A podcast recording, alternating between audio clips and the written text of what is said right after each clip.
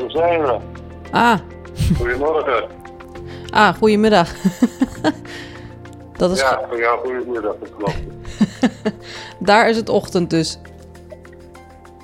Ja, het is nu eh 9 uur, over 9. 5 uur verschil, lekker koud vandaag. Hoe, hoe, hoe koud is het? Het is nu een 8 graden hier, 8, 9 graden. We zijn nu in de herfst, hè. We gaan naar de winter toe. Het is de omgekeerde wereld, in veel opzichten hier. Ja, we zitten hier lekker op 20. 20 graden. Ja, jullie zitten in, voor het voorjaar, in de lente. Maar ja, goed, eh, we krijgen het ook weer. Het is voor een kwestie van tijd. Dit is een podcast van katholiekleven.nl. Ik bel met Padre Matthias in Brazilië, deze keer in het zuiden van het grote land. Hij was betrokken bij de priesteropleiding voor late roepingen en hoeven in Nederland, maar keerde terug naar Brazilië, waar hij ook eerder al werkte. Hij vertelt ons over zijn leven daar, zijn roeping en hoe hij deze coronatijd ervaart. Waar zit u precies? In de stad Ponta Grossa. Dat is in de deelstaat Paraná. Dat is de derde staat vanaf het zuiden. Dat is een eh, 800 kilometer onder São Paulo. En hoe, hoe komt u daar? Sinds wanneer woont u daar? Ja, met onderbrekingen vanaf 1974. Ik was 19 jaar toen ik uitgenodigd ben door een van oorsprong toen Nederlands bedrijf in een Nederlandse kolonie. En toen werkte ik in de vleessector. Toen ik zeven jaar oud was wilde ik al priester worden, maar dat is er toen niet van gekomen. Toen ik 19 toen ben ik uitgenodigd en toen ben ik hier naartoe gekomen. En na vier jaar kwam het idee om priester te worden weer terug. En toen heb ik de industrie verlaten. Toen ik 4, 25 jaar ben ik aan een theologiestudie begonnen, filosofie en theologie. En hier priester gewijd. Toen ik 30 was. En toen heb ik een tijdje op seminarie gewerkt. Toen twee, vier jaar in een parochie en toen ben ik naar Rome gegaan. In Rome heb ik psychologie en spiritualiteit gestudeerd. En toen in 1995 terug naar Nederland op verzoek van Monsieur Muskens. Toen heb ik een tijd in Breda gewerkt, in Hoeve. In de opleiding voor late roepingen. Ja, die ken ik. Dat heb ik 12, 12 jaar gedaan, tot 2007. In 2007 ben ik weer teruggegaan naar Brazilië. Tot heden. Waarom Brazilië? Ja, dat weet ik niet. Er, kwam een uitnodiging uit Brazilië. Toen ik kleiner was, toen zei mijn vader altijd al van jongen, mijn zaak die eh, heeft geen toekomst. Ik kan het uithouden totdat ik eh, met pensioen ga. En jij kunt beter de wijde wereld ingaan. Hij overleed plotseling toen ik 18 was. Toen ik 19 jaar oud was, toen was ik uh, slagen sportschool aan het beëindigen. En daar kwam een meneer, die heeft met de directeur gesproken, van heb jij niet iemand die geïnteresseerd is om in Brazilië te werken? In een van oorsprong Nederlandse kolonie. Ik weet nog niet goed waarom, maar die heeft mij toen uh, aangewezen. en die kwam met mij praten van wil jij niet een jaartje naar Brazilië en al die bevalt blijven om te werken. Nou, ik had wel zin in een avontuurtje. Ik kende helemaal geen, uh, geen de Braziliaanse taal natuurlijk niet, de cultuur kende ik niet. Maar voor mij was het een, een avontuur. En dat avontuur dat is goed bevallen. En ik ben er gebleven. En later kwam dus dat idee om priester te worden weer terug. Ja, toen ik 24 was. Want in die kolonie, dat waren van oorsprong uh, allemaal protestanten. En ik was de enige katholiek met de algemeen directeur. Dus ik ging af en toe naar de dienst in de kolonie. Om, om een sociale contact ook. Maar toen kwam er ook een priester in het uh, Braziliaanse gedeelte van de kolonie. Een Nederlands priester. En daar kwam ik mee in contact. En eigenlijk kwam zo rand, dat ging wel niet zo snel, maar langs de rand kwam die wens dan terug toch om uh, ja, de priester te worden. Maar ik durfde niet naar het seminarie, ik durfde niet alle wachten te laten.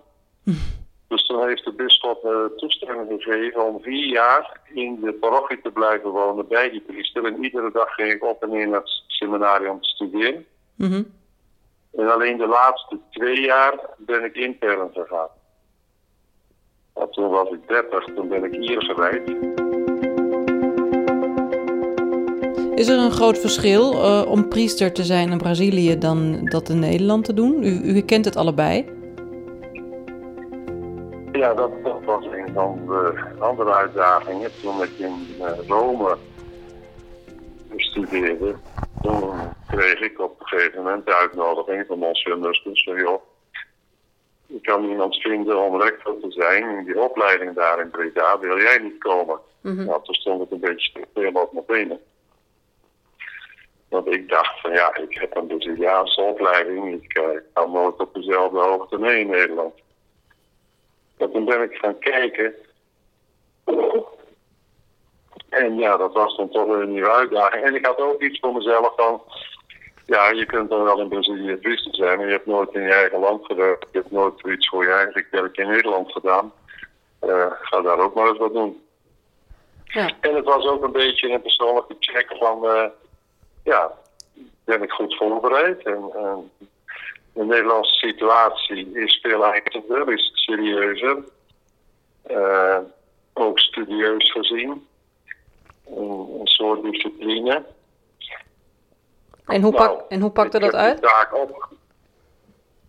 Nou, ik denk achteraf heel goed. De eerste twee jaren zou ik niet graag overdoen. Want toen heb ik er wat doorstaan. In de zin van, ik was 40. Dat waren studenten ouder dan ik. Dus een opleiding voor later roepingen. Ja. En daar is altijd mee om te gaan. En, en dan die, die grotere kerels dan ik, iets ouder dan mij. Uh, ja, toch het een en ander te moeten zeggen af en toe. ja, wie ben ik nou eigenlijk om dat te doen? maar na twee jaar, ik moet zeggen, met een hele mooie, fijne steun van oudere collega's, mannen en vrouwen, priesters en mannen, leken, uh, die me enorm geholpen hebben. Maar van de andere kant had ik altijd wel zoiets van ja, maar ik wil toch een keer terug naar Brazilië. Waarom was dat? Waarom was dat? Ja. Ja, waarom? Kijk, Nederland is klein. En het aantal gelovigen is nog kleiner. Dus de ruimte om je vleugels open te slaan is niet zo groot. Het is allemaal redelijk beperkt. En allemaal binnen strakke lijnen. Mm Brazilië, waar 120 miljoen mensen wonen, met een enorm aantal katholieken, veel parochies, veel, veel mensen die in bij de kerk betrokken zijn. Dus er moet nog enorm veel ontwikkeld worden. En uit de grond gestampt worden. En iets nieuws bedacht worden. Nou, dat zag ik in Nederland niet gebeuren.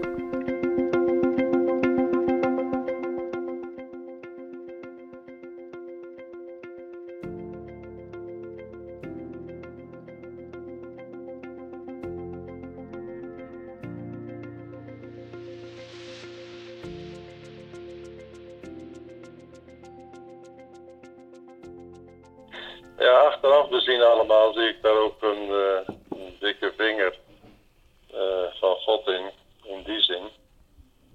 In Nederland heb ik natuurlijk een, een, een, unieke ervaring opgedaan met die opleiding voor late roepingen. Want dat model op die manier bestaat eigenlijk niet in de wereld. Mm -hmm. Zoals Hoeve boven in Preda dat doet. En nu drie jaar geleden hier vraagt de aartsbisschop van Curitiba, dat is hier 100 kilometer verderop. Ik wil zo'n opleiding hier. Kom me helpen. Dus daar ben ik nu bezig met het uh, helpen. Ik ben niet direct gelukkig, maar met het helpen opzetten. We draaien nu het tweede jaar. Van zo'n instituut als in Hoeve hier in uh, Brazilië. Dat had ik zelf nooit kunnen verzinnen natuurlijk. Een slagerszoon die, uh, weet ik veel, eventueel in Brazilië terechtkomt naar Rome, terug gaat naar Nederland bij een hele unieke opleiding en dan weer terug naar Brazilië om diezelfde, datzelfde model hier te mogen helpen opzetten. Dat best ja, dat is, uh, ja, ik zie dat wel nog wat zand in. Kun je zelf niet verzinnen, dat soort dingen. Ja, precies. Hoe is het daar nu in de, met corona? Ik vind het een beetje beangstigend in die zin. We zitten met een, uh, met een president die uh, exact tegen alle regels ingaat. Dus tegen alle wetenschap, uh, Wereldgezondheidsorganisatie, laat alles aan verlaat. Hij gaat tegen zijn eigen ministers in. De gezondheidsministers die niet doen wat hij wil, die stuurt hij weg. Er zijn er al twee nu weg de laatste maand. Dus er komt waarschijnlijk weer een nieuwe militair te zitten. Uh, en dan zijn er heel veel mensen die zijn aanhangers. Dat is toch nog een 30% van de bevolking. En dat is een beetje extreem rechts. En die polarisatie die komt nu heel erg naar boven. Dus we krijgen manifestaties. We krijgen niet. Die zijn er al manifestaties van mensen die tegen de isolatie zijn. Sociale isolatie. Nou ja, dit weekend, dit weekend waren er duizenden auto's die het centrum van São Paulo platlegden. Iedere zondag zijn er manifestaties in de hoofdstad Brasilia uh, voor, het, uh, voor presidentieel paleis. En dan komt meneer ook even naar buiten en die vindt het allemaal geweldig. Dat is eng, dat is ook onzeker en ja, ik weet niet welke kant het op gaat. Terwijl je op de achtergrond mijn kinderen af en toe kan horen roepen en ik me daar dus een klein beetje aan stoor terwijl ik probeer te werken, zijn er in Brazilië echte problemen. Ik heb zoiets van, uh, nou, uh, iedereen moet echt op zichzelf passen. Kijk, want de arme mensen natuurlijk, en dat is niet alleen in Brazilië, dat zie je in India en in Afrika. Die mensen die, die zeggen, ja, sociale isolatie, dan heb ik morgen niks te eten. Ik moet gewoon werken. Ja. We zitten met, met een groep, en ja, dat is een beetje wereldwijd hetzelfde, denk ik. De rijken, die willen geen isolatie en die steunen de president om openlijk tegen isolatie te zijn. Want ja, die kunnen wel een beetje voor zichzelf zorgen, ook al gaan die ook dood natuurlijk. Maar die steunen de president, die willen geen isolatie. En de arme mensen, die kunnen geen isolatie, want die willen werken, die moeten werken. Ja en de bus nemen. En je hebt over 120 miljoen mensen. Zeg je, ja, zie die allemaal maar eens met de neus in dezelfde richting te krijgen. Nou, dat lukt je niet. Dus ja, ik zit nu ook al twee maanden binnen. Heel af en toe moet ik er wel uit, maar dan ben je heel voorzichtig natuurlijk. Maar je ziet in de stad de winkels open, denk je van nou, het lijkt alsof dat er niks aan de hand is. Ja, maar u gaat er zelf niet naartoe winkelen? Oh nee, daar heb ik nooit van gehouden van winkelen. Alleen het nodige halen. Dat scheelt. nee, wat mij betreft, wat mijn leven betreft, is het op zich niet zo heel gek anders. Als u boodschappen in de supermarkt gaat doen, merkt u daar dan iets van maatregelen of zo? Jawel, er zijn wel maatregelen. Ik ga, als ik ga, dan ga ik zondag om 8 uur als open gaan. Dan zijn er heel weinig mensen. En dan staan ze wel de karretjes met uh, alcohol een beetje schoon te maken. Ze eisen dat je masker, we moeten allemaal wel een masker in de stad, is verplicht in de hele staat, in de hele deelstaat. Oké. Okay. Zijn maskers verplicht. In de supermarkten mensen van 60 jaar en ouder, die moeten ook uh, plastic handschoenen aan. Mm -hmm. Anders komen die niet in. Dat is op zich, dus ja, doen op... ze wel iets natuurlijk, dat is wel positief. Ja. Maar de afstand bewaren, de, ja, de mensen op zich, die, die hebben dat niet. En, en de meeste, ik denk ja, dat, dat ze nu misschien aan het, aan het, uh, aan het gewennen raken. Maar afstand houden is, is moeilijk voor velen. Dus dan moet je echt zelf uitkijken van, uh, nou, kom niet in de buurt of ik uh, neem een stapje terug. Is dat iets Braziliaans en iets Europees, dat we daarin verschillen? In Europa gaat dat, heb ik het idee, vrij goed. Ja, maar ik denk dat de Europeaan vooral in het noorden meer gedisciplineerd is.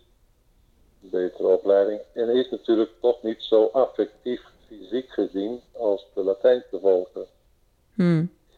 Kijk, hier kun je niet iemand tegenkomen zonder een hand te geven of een omhelzing of een schouderklopje.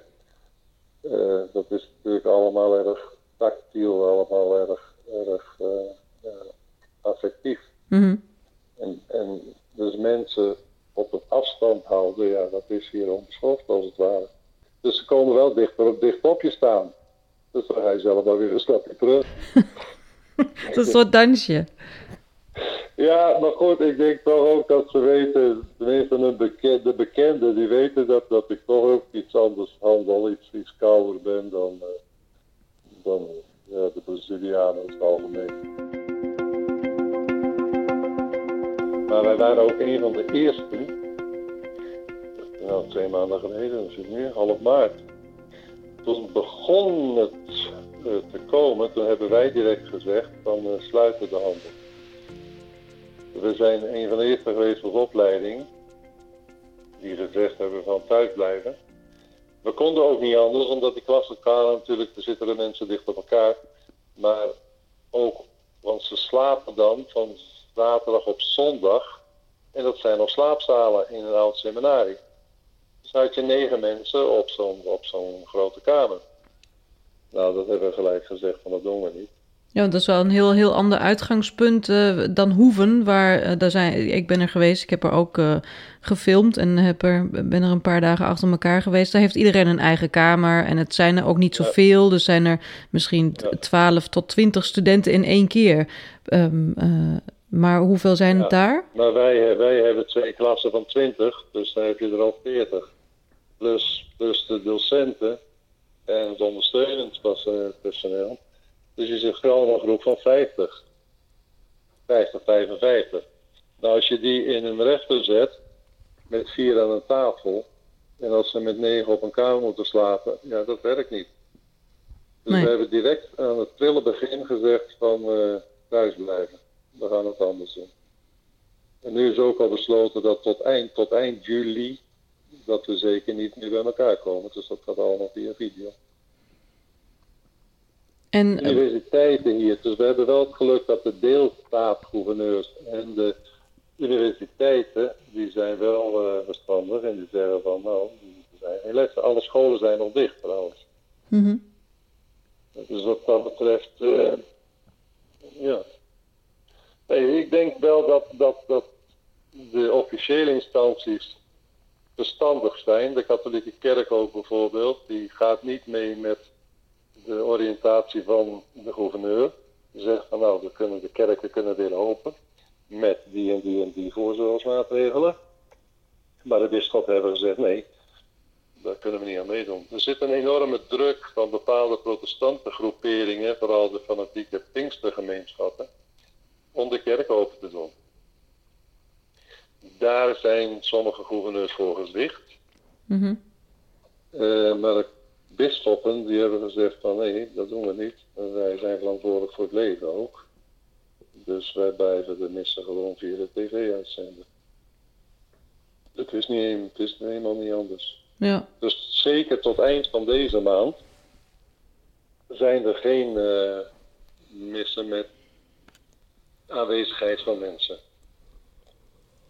En heeft u het er met de studenten dan over hoe je dat in deze tijd, um, hoe je het geloof misschien kan gebruiken om er een beetje doorheen te komen? Hebben, hebben ze er moeite mee? Wat geven zij voor reacties dat het nu zo allemaal gaat? We hebben twee groeperingen, of tenminste we bereiden voor voor het permanent diaconaat. Dat zijn de getrouwde mannen die diaken worden. Mm -hmm. En de priesterkandidaten die zijn dan meestal iets jonger. Um, maar wat ik zei, de vragen we eisen al een redelijke opleiding voordat ze binnenkomen. Dus het bewustzijnsniveau is, is hoog. Of goed, laat ik zo zeggen. Ze zijn zelf uh, verstandig genoeg. Er zijn enorm veel initiatieven van uh, bisschoppen, van andere groeperingen, die theologisch en spiritueel enorm veel publiceren. Uh, er zijn er een paar enkelen die moeite hebben om thuis te blijven. En die mm, eigenlijk een beetje zorgen baren wat betreft hun reactie. Nou, dat is ook gelijk een, uh, onderdeel natuurlijk om te kijken of die wel door kunnen gaan in de toekomst. Want in een crisis moet je kunnen reageren. Mhm. Maar als je kijkt van wat er liturgisch gebeurt en spiritueel, wat hier heel sterk is, is dat de huiskerk erg gepromoot wordt. Dus het samen bidden als gezin. Het als gezin samen uh, de mis bijwonen via tv. Mhm. Nieuwe vormen van gebeden ontwikkelen. De Lectio Divina, de Bijbel, uh, meditatie. En dat in gezin. In die zin hoor je wel veel dat ze zeggen, ja, we hebben eigenlijk weer de, de huiskerk opnieuw ontdekt. Via de, via de digitale weg terug naar vroeger? Nou ja, niet alleen via de digita uh, digitale weg, maar ook door samen weer de Bijbel te lezen, door samen te bidden uh, in familiekring. Dus de ouders met de kinderen. Kijk, voor de kinderen zeggen sommigen hier is het de geweldigste tijd van hun leven, want ze hebben papa en mama nog nooit zo lang bij zich gehad. Ja. Misschien dat, dat die kleine kinderen het nou, wel als de mooiste tijd van hun leven gaan zien. Maar voor de ouders is natuurlijk vaak, uh, ja, hoe, hoe, hou ik die kinderen bezig? Maar als je hebt over geloof, ja, is, is katholiek zijn, is christen zijn dan alleen maar naar de kerk gaan en er is bijwonen? Dat kan ook een ritueel worden, zonder veel inhoud. Terwijl je nu ziet dat als mensen samen als gezin, of als echtpaar, of alleen, weet ik het, thuis, dat, dat er meer gebeden wordt. Niet alleen via de digitale weg, wat een prachtig hulpmiddel is, maar ook door zelf gebeden te ontwikkelen. En Lexo Divina te doen en de Bijbel te lezen. In die zin hoor ik eigenlijk alleen maar mooie dingen. Ja. Ze, missen, ze missen de communie, ze missen de nis. Aan de andere kant zeggen ze ja. En het is ook een mooie gelegenheid te zeggen van ja, is dan alleen communie uh, jouw christen, is het christen zijn alleen mis en communie? Of naast de meerdere gebeden in, in huis, in huiselijke kring, wat kun je nu voor anderen betekenen? Dus je krijgt veel sterker, niet alleen het gevoel, maar ook de praktijk van solidariteit. Ja. En dat mensen meer naar elkaar gaan kijken en wat kunnen we voor elkaar doen. Er zijn enorm veel initiatieven om voedsel uh, voor de armen te verzamelen en uit te delen. Dus er is een hele praktische kant uh, aan, dit moeilijke moment, waar, waarbij je weer een heleboel mooie dingen in jezelf en in elkaar kunt, uh, kunt ontdekken. Het geloof wordt eigenlijk levendiger. Dat is een heel gekke, gekke gewaarwording. Maar het geloof wordt levendiger door het doen. Dit was een podcast van katholiekleven.nl. Bedankt voor het luisteren.